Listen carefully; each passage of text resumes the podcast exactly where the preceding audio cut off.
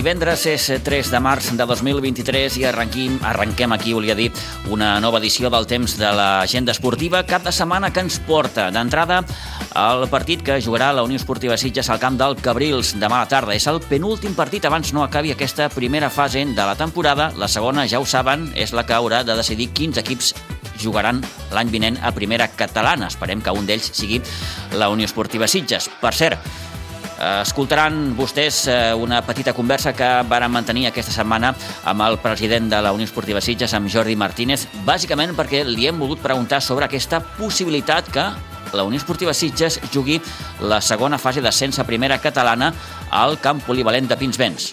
Falta confirmació, però està tot bastant ben encaminat perquè això sigui possible. No està sent una gestió fàcil, perquè aquí han d'encaixar i quadrar eh, horaris eh, i, evidentment, el fet de compartir camp amb, amb la gent del rugby, amb la gent del, de, de l'hoquei herba, doncs ara afegit als partits dels Sitges es veu que està sent una gestió una miqueta complicada.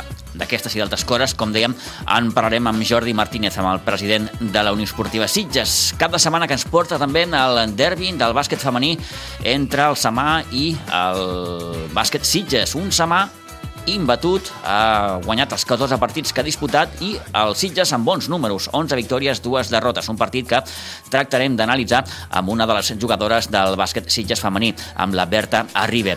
Aquestes i d'altres qüestions també apuntarem, per exemple, que el jugador del Rugby Club Sitges, Arnau Ojeda, serà un dels eh, convocats, serà un dels jugadors de Catalunya en el partit del centenari de la Federació Catalana de Rugby que disputaran les seleccions de Catalunya i Suècia aquest diumenge amb el camp de la Fuixarda, en un cap de setmana què no hi ha rugby a la divisió d'honor B.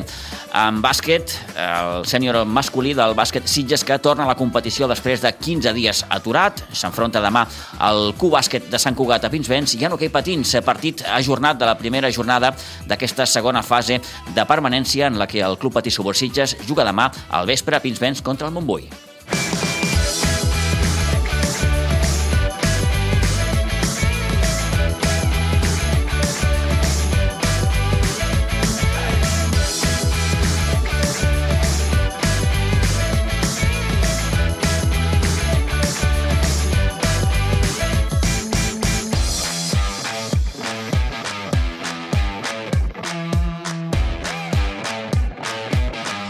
Vinga, doncs, comencem parlant de futbol base perquè a la preferent de juvenils, eh, jornada número 20, la Blanca, després de l'empat a Tarragona, s'enfronta demà dissabte al Nàstic de Tarragona. El partit, en recordem, es jugarà amb el camp de les Roquetes a partir de les 7 de la tarda. El rival d'aquesta propera jornada ocupa ara mateix el setè lloc de la classificació i suma 32 punts. Recordem que a la primera volta la Blanca ja es va imposar el Nàstic per 1 a 2. Era tot just la primera victòria de la temporada que arribava després de perdre amb els quatre primers partits de Lliga. Hem començat per aquest partit del juvenil, però, eh, com cada setmana, l'Isidre Gómez ens ha de relacionar la resta de partits dels equips de la Blanca. Isidre, bon dia i bona hora. Hola, molt bon dia. Mm, la resta d'equips, doncs, eh, evidentment, molt repartit tot això. Aviam si me'n sortiré, espera. Vinga. Aviam, el juvenil B el tenim que ens jugarà demà dissabte a les 4 i mitja al municipal de Sant Pau d'Ordal contra el Sobirats Unió Esportiva. El cadet ens jugarà diumenge a les 4 de la tarda contra la Fundació Atlètic Vilafranca B, al municipal de Vilafranca. El cadet B és diumenge a les 4 de la tarda contra l'Igualada F, el, el polivalent d'aquí de Sitges. A l'infantil A, dissabte a les 3 de la tarda, al municipal de les Roquetes contra la Fundació Unió Esportiva Cornellà. A l'infantil B, dissabte a les 12 del migdia, contra les Cabanyes A, al municipal de les Cabanyes. A l'infantil C, també demà dissabte a les 10 del matí, eh, contra el Sant Cugat Ses Garrigues, al municipal de Sant, de Sant Cugat de Ses Garrigues. En categoria 20, a l'Alevina, demà dissabte a les 3 i quart, el, contra l'Igualada E, el municipal Les Comes. A l'Alevin B, també demà dissabte a la 1 i quart, al municipal de les Roquetes contra el Prat AE, el B en aquest cas.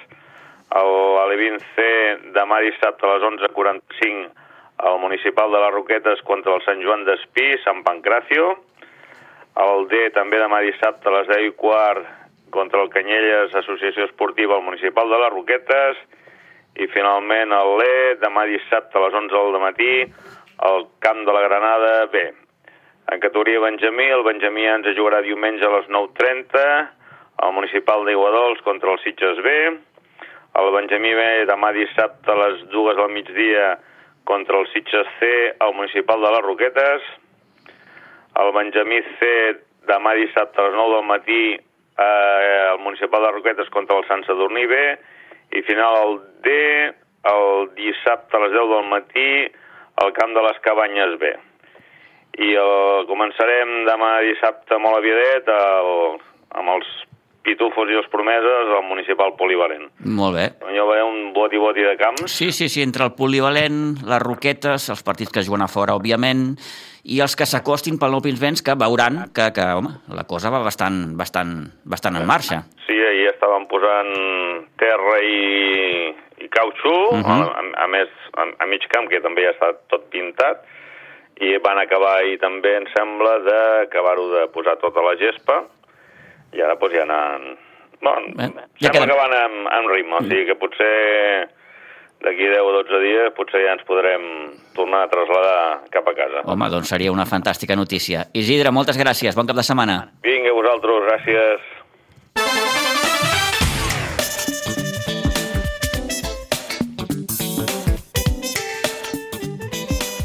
I vinga, seguim parlant de futbol perquè a segona catalana la Unió Esportiva Sitges s'afronta aquesta 21a jornada jugant al camp d'un Cabrils que, sense cap mena de dubte, ha anat de menys a més aquesta temporada. Ara mateix és cinquè a la classificació i jugant com a local ha sumat 5 victòries, un empat i 3 derrotes. Recordem que en el partit de la primera volta, el que es va jugar a Iguadols, el Sitges es va imposar per 2 a 0. Toni, bon dia, bona hora. Bon dia, bon dia, Pitu. Queda menys ja per tancar aquesta primera fase. Queda menys, queden dos partits. I són dos partits que, eh, si tot va bé, podrien significar 6 punts més per a un Sitges que mm, vol la màxima puntuació per eh, afrontar la segona fase. Sí, sí, sí, com ja hem parlat moltes vegades, sí, el Sitges és capaç de guanyar aquests dos partits, seran 6 punts. Quedarà primer que lo de menys, però quedarà primer i són 6 punts que l'aniran com a anell del dit, al dit de cara a la segona fase, no? I, i no pot fallar, té que guanyar, però compta que doncs, juga amb un equip que ve de perdre, que és un molt bon equip, perquè jo l'he vist tres o quatre partits i me sembla molt bon equip i que no ho tindrà fàcil els Sitges. Partit que jugaran a un quart de set de la tarda amb el camp de Cabrils. Eh, falta confirmació, i ja fa dies que li donem toms, però està previst que el Sitges jugui els partits com a local de la fase d'ascens al camp polivalent de Pinsbens. I pel que es veu, pel que es veu, la gestió no està sent gens senzilla a l'hora de poder eh, trobar un encaix d'horaris. De tot plegat n'hem pogut parlar amb Jordi Martínez, el president de la Unió Esportiva Sitges. Queda, eh, S'ha fet la primera part que era imprescindible fer-la, que era classificar-se. Eh, ara ja hem aconseguit el primer pas, que era el primer objectiu de la temporada, i ara queda, evidentment, el que té el premi gros, però que és el més difícil. Eh, queden dos partits encara d'aquesta primera fase que seran transcendentals per aconseguir el màxim número de punts possibles. Eh, avui mateix, ara, sent la, la part optimista del Jordi, diu que ara depenem de nosaltres, perquè la Gornal hem de jugar 6 punts contra ell i ara ens porta 6 punts. Eh, la part negativa diu que també eh, el segon i el tercer classificat de l'altre grup, per no dir els nostres, que estan, estem enganxats, eh, els altres també ens poden agafar. Serà una segona fase duríssima, perquè els equips estan molt, molt, molt igualats, eh, ja estem seguint els, els rivals de l'altre grup i veiem que no hi ha diferències, i llavors pues, serà arribar, eh, farà falta, com diuen, la sort de los campeones, perquè farà falta, i fa falta arribar en un bon moment. Això és el que depèn de nosaltres, arribar en un millor, el millor moment possible. Eh, vam tenir un, una petita, anem a dir, crisi amb els dos eh, partits consecutius que vam perdre, ens hem refet bé, ara a veure eh, aquest partit que jo li dono molta importància d'aquest cap de setmana, perquè després d'aquest peron de Carnaval i, i jornada de descans, eh, pues, entre una cosa i altra, això, fa tres setmanes que no juguem, tres caps de setmana, a veure si aconseguim fer un bon partit a Cabrils i, i acabar pues, amb la màxima puntuació possible. Eh... Eh, arribem amb bones sensacions, uh -huh. eh, perquè recuperem a Carlos, Carlos Enarejos ja està entrenant, esperem que no hi hagi, per favor, cap, cap lesió ni cap expulsió més, Lucas Molina el tindrem a partir de la segona, la segona jornada de la segona fase, i esperem que, que el Toni tingui a tothom a disposició. Ho deies ara fa uns moments, una segona fase duríssima, ja no només perquè tornaràs a trobar-te amb el Cubelles, et tornaràs a trobar amb la Fundació LT Vilafranca, sinó perquè tindràs Gornal i suposadament Sporting Gavà i Sant Ildefons. Sí, eh, el Gornal segur i pràcticament a falta que, em sembla que li falta algun punt, eh, Sporting Gavà i, i Sani seran, seran els, els rivals, sí. Home, Sporting Gavà és un club mm, relativament nou, però que ja les darreres temporades ja està donant una magnífica imatge. El Gornal va com un tiro i el Sani, pues, què dir del Sani? Al començament de temporada, segurament que el 90% de les persones haguessin dit que entre els cinc primers, Sani, Vista Alegre i Gavà estaven. Vista Alegre i Gavà per qüestions de... per qüestions de...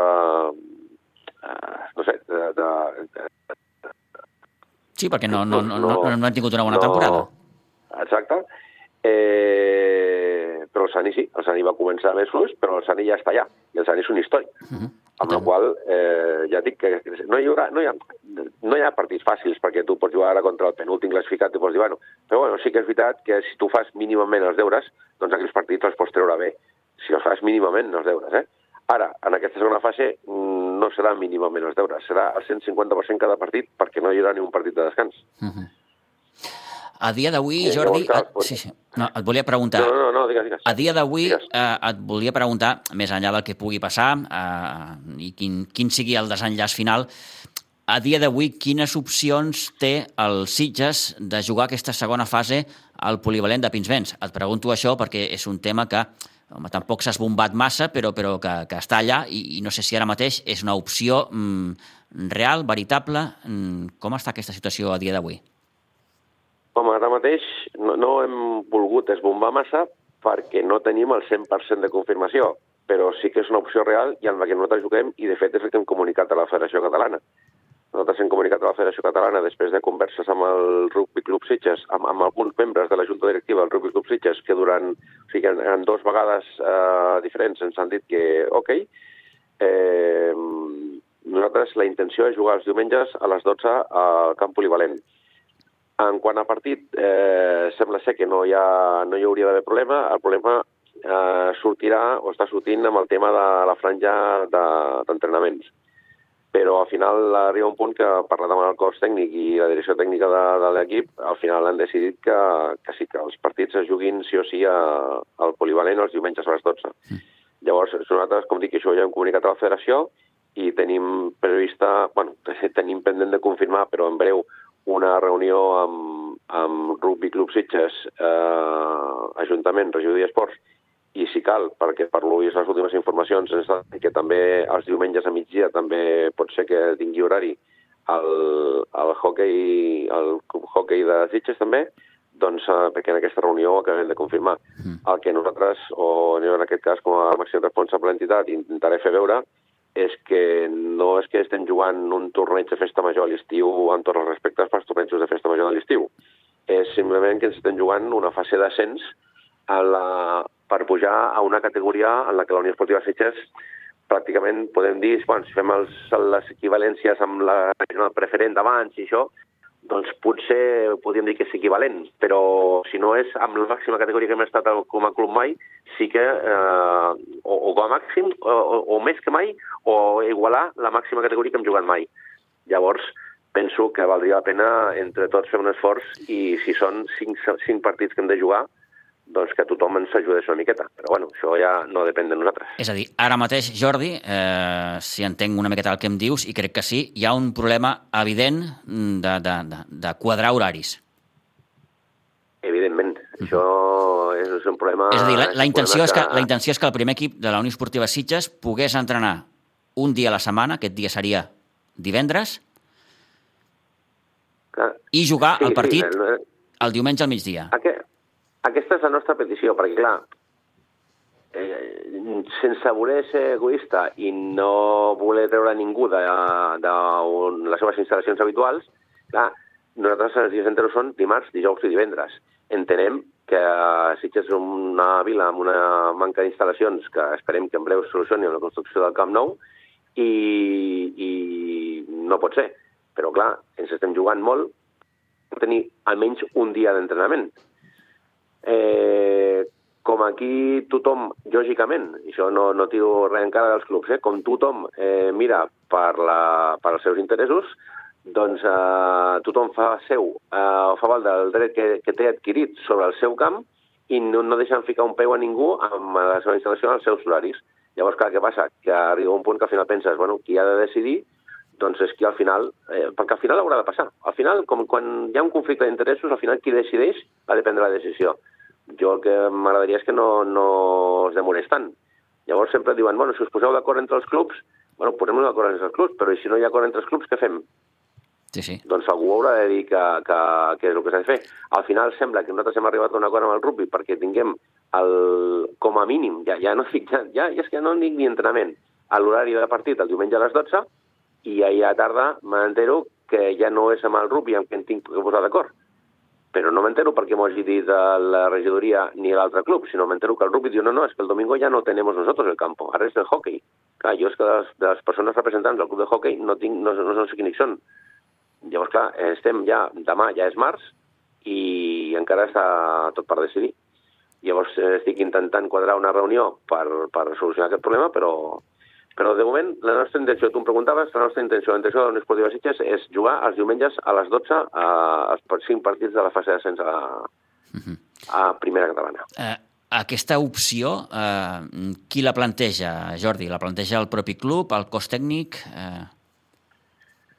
Um, nosaltres ja, inclús ja fa mesos vam fer un entrenament perquè ens van dir que, que el camp no... Sí que és veritat que és, evidentment, d'unes dimensions més grans que, que Aiguadols, però que no reuneix les condicions, perquè la gespa, perquè la pilota no corre. En principi, nosaltres, els jugadors van anar allà, van dir que no hi havia problema, si, si hi ha un manteniment, com és l'habitual del rec i això, la pilota pues, corre igual, amb la qual mm, els meus tècnics i els meus jugadors em van dir que sí que, que ho veien bé. Llavors va ser com vam començar les converses amb el, amb el Rugby Club Sitges. I el tema és, ja dic, és una suma de coses, no és solament per tema esportiu, perquè clar, això és una moneda que es llença a l'aire, potser quan acabi la fase d'ascens t'estic trucant plorant dient no t'he fet sense que s'hin quedat aigua dolç, doncs no ho sé, no, això mai ho sabrem, però bueno, pensem, a priori, que és quan s'han de prendre les decisions, que ens aniria millor ja. Però ja no solament és per tema esportiu, estem en instal·lació, hem de, jo vull creure que conforme va passant el, el fred, eh, tot i que ara estem immers en aquesta onada, però eh, passarà el fred, arribarà el bon temps, eh, són cinc partits que realment pues, pensem que portaran més gent a les grades de, del camp, el, els problemes d'aparcament que teníem a Aiguadols, la, la mobilitat que queda molt reduïda al barri d'Aiguadols per quan tenim partit, pensem que hi ha moltes coses que ens porten a, a pensar que és millor fer-ho aquests partits a, a camp polivalent. -huh. Esportivament parlant, futbolísticament parlant, volia dir, eh, Jordi, eh, s'entén, per tant, que el, el polivalent reuneix unes, unes condicions eh, ja de, de, de, de, de mesures que afavoririen el joc de l'equip. Home, evidentment nosaltres eh, pensem que la, la tipologia de jugador que tenim nosaltres eh, ens va millor i els resultats, eh, quan ja, ja no solament el resultat en si, perquè també el camp de Gavà, per exemple, és gran, però és que la, en aquell dia que nosaltres la superfície estava bastant malament mm. i, no, no es va poder fer un partit com, com, com la majoria. Diuen que la gespa és un pèl més alta. Sí, eh? sí, sí, això és el que, mm. el que diuen. Eh, per això jo, abans de, de donar qualsevol pas, he parlat diverses vegades amb els tècnics i amb el, amb el director tècnic, perquè, clar, no és el mateix que la pilota corri que no corri, eh, després, bueno, ja sabem que hi ha possibles, no lesions, però sí molèsties musculars si, la, si estàs acostumat a una superfície, a una altra, eh, però els jugadors diuen que en altres camps les gespes estan igual o pitjor, que, o no pitjor, en, en diferents condicions que les de, les de polivalent. Al final resumim preguntes i dius, bueno, però vols que faci la gestió per canviar, sí o no? I al final, quan et diuen que sí, doncs és quan la Junta ens hem posat amb, uh -huh. amb, amb el tema. Algú et dirà, home, acostumats a Iguadols, ara de cop i volta te'n vas a jugar a un terreny de joc que t'és, entre cometes, desconegut.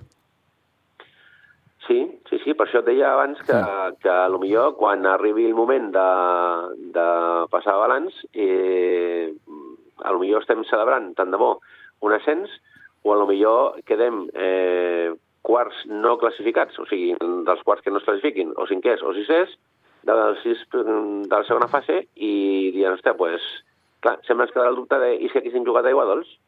Però és que això, les decisions, eh, hi ha diverses fases que ho diuen, però al final... Eh, com Sí, sí. allò de... S'han de prendre. No sé, quan, quan, quan el toro ja és mort, tots manoletes, o no sé com així. Les decisions s'han de prendre, s'han de prendre abans. Sí, o sí, sigui, la sí. decisió de quan jugarem la segona fase l'hem de prendre abans de jugar la segona fase. A toro passat tot és més fàcil, sí, sí, és cert. Eh, això, bueno, això, això és el que volia dir. eh, llavors, les decisions s'han de prendre abans. Clar, hi ha el risc de que ens equivoquem. A lo millor dius, bueno, pues, vistes les característiques, que, que també les hem vist, dels possibles rivals, són equips que en principi també són equips que no són eh, no es caracteritzen per, la, per, per ser, aviam, que no, no vull dir que no lluitin, eh? Mm. però que no són equips bregadors, que són equips tècnics de jugadors que juguen a futbol, eh, ens passa també amb el Cubelles, ens passa amb el Vilafranca. Llavors, la característica dels sis equips és que són equips que mm, els hi fa falta camp per jugar. Com a nosaltres també ens hi fa falta el mateix, doncs mm, hem arribat a la conclusió que, clar, evidentment, algú podria dir, bueno, clar, és que tu beneficies, però també estàs beneficiant els altres.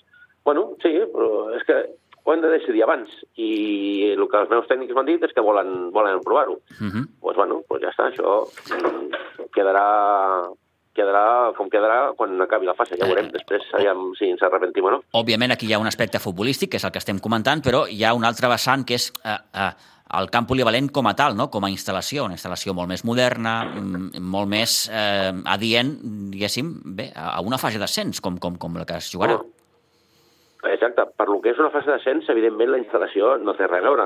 Jo m'estimo moltíssim a Iguadols, però clar, té les mancances i els anys que té. Llavors, mm, sobretot, ja, jo ja no penso ja inclús ni en la comoditat de la grada ni tot això, que també, eh?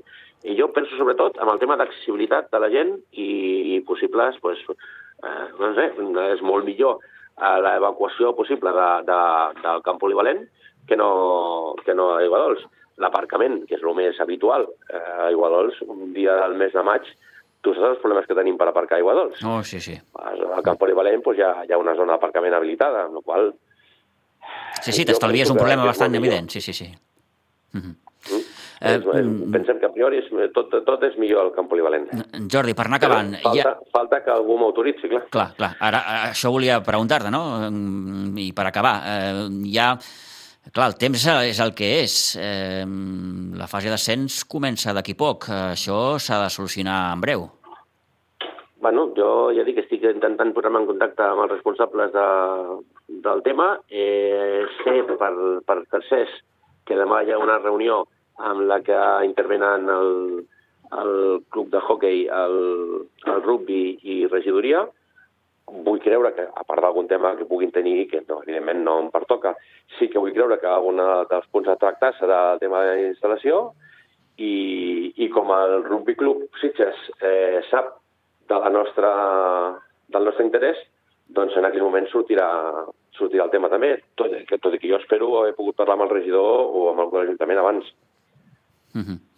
Doncs, com diu aquell, esperarem notícies. Jordi Martínez, president de la Unió Esportiva Sitges, gràcies una vegada més per atendre la nostra trucada. Que vagi molt bé tot.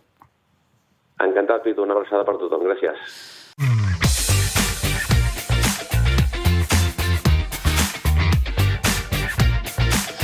Bé, doncs veurem com acaba aquesta història i si finalment es troba una possible solució perquè la Unió Esportiva Sitges pugui acabar jugant els partits d'aquesta fase d'ascens al polivalent de Pinsbens. Eh, anem a la tercera catalana perquè el Sitges B ha jugat diumenge al camp de la Pobla de Claramunt. Eh, el rival d'aquesta jornada és, vaja, cué destacat i, com es diu en aquests casos, té peu i mitja quarta catalana. Només dues victòries, curiosament les dues fora de casa i el seu camp, per tant, ha perdut els nou partits que ha disputat. Està a prop d'encaixar o d'arribar a la xifra de 100 gols encaixats. Ara mateix en porta 94 en contra.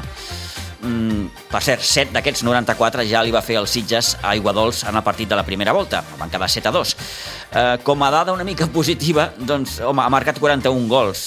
Si comparem amb els 45 que ha marcat el Sitges, Toni, no és una dada tan dolenta en quant a gols marcats, però No. ja, ja veiem que és un equip que encaixa molt. Sí, no, no, marca gols, però encaixa molt, no? 94, és una bestiesa. Són molt gols, són molt gols. Eh, I a més a més és el pitjor poble de Claramunt que jo he vist, eh? perquè sempre ha sigut un equip que ha estat allà pel mig, ha estat lluitant per no baixar, però no tan fluixet com aquest any. Aquest any doncs, tothom és capaç de guanyar. Sí, sí. Àlex eh, Villa, entrenador del Sitges B, que defineix clarament el de diumenge com a clàssic partit trampa. Partit trampa, sembla que vagin avall, eh, que estiguin, que no estan, però bueno, quan, vim, quan van vindre aquí sí que era un equip que tenia 12 jugadors o 13, van canviar d'entrenador, ara ja comple, com, eh, omplen les convocatòries, competeixen partits, es juga diumenge per la tarda, que sempre és bueno, més difícil perquè no és el que estàs acostumat, així que serà un partit difícil i que tindrem que anar allà pues, a, a sumar tres punts i a competir com sabem.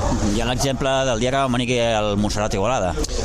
Aquí el clàssic està baix, eh, Exacte, penses que ja estan... Bueno, que penses que no et poden fer mal de cap manera i de cop i volta t'hi trobes que, ostres, no són tan dolents. I igual que el que és bo no és tan bo, el que és tan dolent no és tan dolent. Doncs aquest partit que jugarà amb el filial del Sitges aquest diumenge a partir de dos quarts de cinc de la tarda al camp de la Pobla de Claramunt, partit de la 21a jornada. Parlem també de bàsquet perquè en el bàsquet de Sitges, després de dues setmanes, torna a la competició, s'enfronta demà amb el Q-Bàsquet Sant Cugat a partir de tres quarts de sis de la tarda. Un Q-Bàsquet de Sant Cugat amb mals números en línies generals, el bàsquet de Sitges ja es va imposar amb un marcador molt favorable a la primera volta 58 a 79 perquè un dels partits de la jornada és el que jugaran els femenins del Samà i el bàsquet Sitges aquest diumenge al migdia a Vilanova. Un Samà líder imbatut amb 14 partits guanyats contra un bàsquet Sitges també amb un bon balanç i que té ganes aquesta temporada de poder assolir l'ascens. Del partit amb el Samà i de la temporada n'hem pogut parlar amb la jugadora del bàsquet Sitges, Berta Ribé. Nosaltres venim d'unes setmanes que entre el carnaval, entre que ens han tocat diverses jornades descansant, portem diverses setmanes que, bueno, que no juguem partit o que hem tingut menys entrenaments i sí que ens ve en un moment més aviat difícil. Però tot i això tenim moltes ganes i tenim moltes energies per jugar el partit i, uh -huh. i creiem que pot anar bé. Ara mateix, eh, pels números, eh, sembla que el Samà és, és, és, sembla inabastable, no?, com a equip. Sí, sí, totalment, però bueno, nosaltres confiem plenament en que podem guanyar. L'any passat a, a la Lliga ens va passar el mateix, hi havia un equip invicte que no havia perdut cap partit i al final el que va perdre va ser contra nosaltres.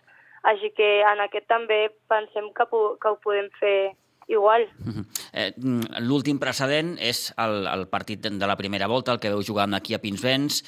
Si no recordo malament, aquell partit eh, el va acabar guanyant el Samà, em sembla que va ser de, de 11 punts. No veu tenir un bon inici, tot i que al final veu poder una miqueta, eh, no diré maquillar el marcador, però, però, però que s'hi veu acostar bastant. Sí, sí, o sigui, bueno, normal. Eh, sí que vam tenir un mal inici, ens sol passar a vegades, sí que és veritat. Eh, tot i això, si ens vam aconseguir apropar el marcador i vam estar a punt, tot i en general, o sigui, a nivell general de tot el partit, no ser un bon partit nostre, eh, crec que aquest pot anar molt diferent. Uh -huh.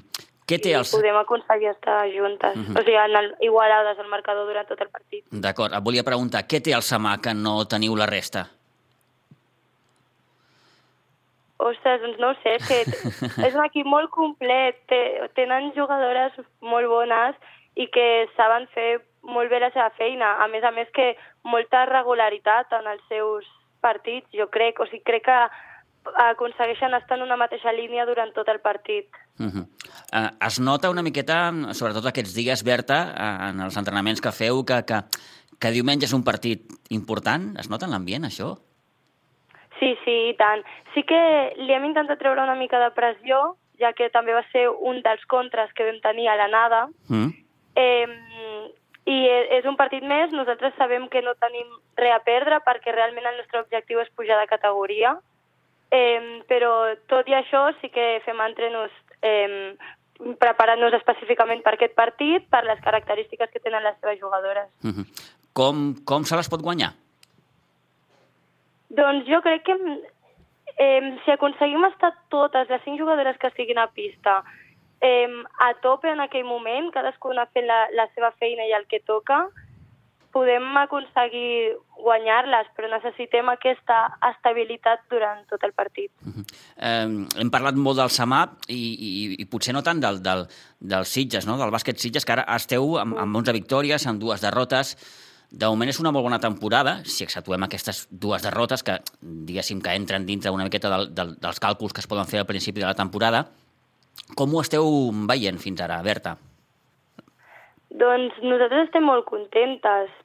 Eh, sabíem que, que podíem estar a dalt a la Lliga perquè, bueno, com ja he dit, el nostre objectiu és pujar de categoria, eh, però malgrat aquestes dues derrotes, que una s'hagués pogut evitar perfectament, eh, estem molt contentes i amb moltes ganes de seguir treballant, seguir guanyant partits i cada cop doncs, anar ascendint. Uh -huh. eh, és, és una pressió afegida el fet de, de, de, de pensar, ostres, aquesta temporada tenim l'objectiu de, de, de, de pujar, d'ascendir de categoria. És, és, és una miqueta més de pressió per vosaltres, Berta?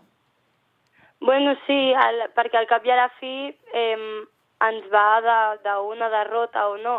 O sigui, les, els cinc equips que estem a dalt a la Lliga som equips que estem molt igualats a nivell victòries i derrotes i sí que li suma un, un plus de, de pressió, eh, en canvi si estiguéssim més a baix no. Uh mhm. -huh. Però tot i això, nosaltres estem superpositives. Veniu precisament de, de jugar fases la temporada passada, mm, veu fer fases després de quedar, em sembla, terceres a la, a, la, a la fase prèvia. El que passa és que només veu aconseguir guanyar un partit, finalment, d'aquestes fases. Quin, quin record en tens?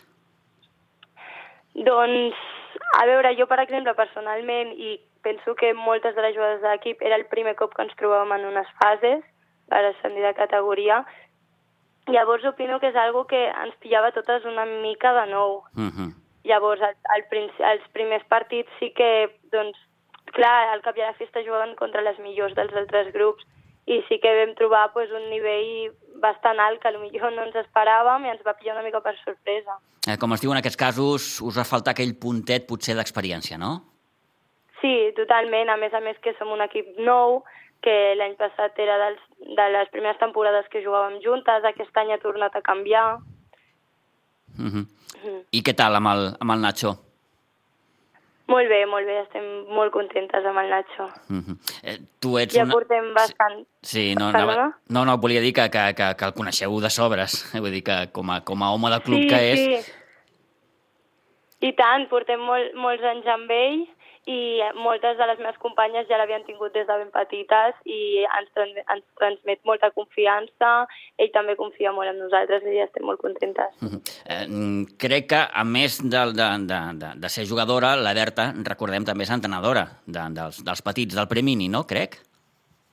Sí, del Premini masculí. I ajudes al, al Galdric també amb el, amb el preinfantil. Què tal? Sí. Com, com, com se't dona això de, de ser entrenadora? Eh, jo penso que bé, no sé.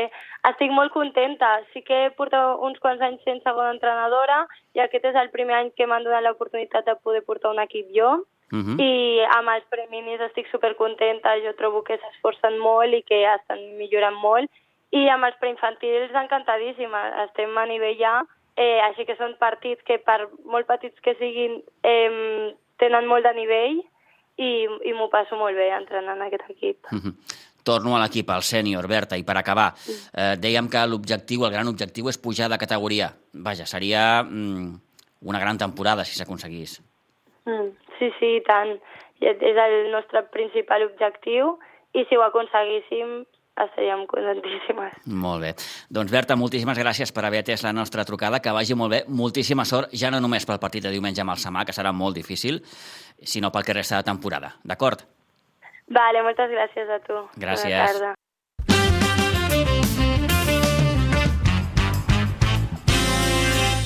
Bé, doncs, el partit exigent per les, noia, per les noies de Nacho Vicente aquest diumenge al migdia contra el Samà. Eh, els diem també que en hoquei patins el Club Patí Subursitges juga demà a Pinsbens contra el Montbui, un partit que, en recordem, correspon a la primera jornada de la segona fase que es va ajornar en el seu dia, perquè coincidia amb el cap de setmana de Carnaval. L'enfrontament amb el Montbui serà 3 quarts de 8 del vespre. Eh, més coses, aquest cap de setmana no hi ha eh, divisió d'honor B de rugby. El Rugby Club Sitges, per tant, descansa aquest cap de setmana. Qui no descansarà serà un dels seus jugadors, Arnau Ojeda, que diumenge jugarà amb la selecció catalana al partit del centenari que enfrontarà Catalunya i Suècia al camp de la Fuixarda, a dos quarts d'una del migdia. També hi serà uh, l'ex dels Sitges, uh, Noah Canepa, que ara, recordem, juga al Burgos, de la divisió d'honor. I posem també una mica d'hoquei herba per recordar que aquest diumenge l'equip de Mamis del Sitges Hockey Club juga al partit de la novena jornada contra el Mata de Pere. Ho farà amb el camp d'hoquei de Mata de Pere a partir de dos quarts d'onze del matí. I en futbol sala, el primer equip masculí del futbol sala Sitges juga a Sant Just d'Esvern contra el futbol sala Sant Just. Ho farà diumenge a un quart d'una del migdia, mentre que l'equip femení, després de guanyar el seu primer partit al cap de setmana passat, s'enfronta al Sant Joan d'Espí, a Pinsbens, demà dissabte a partir de les 6 de la tarda.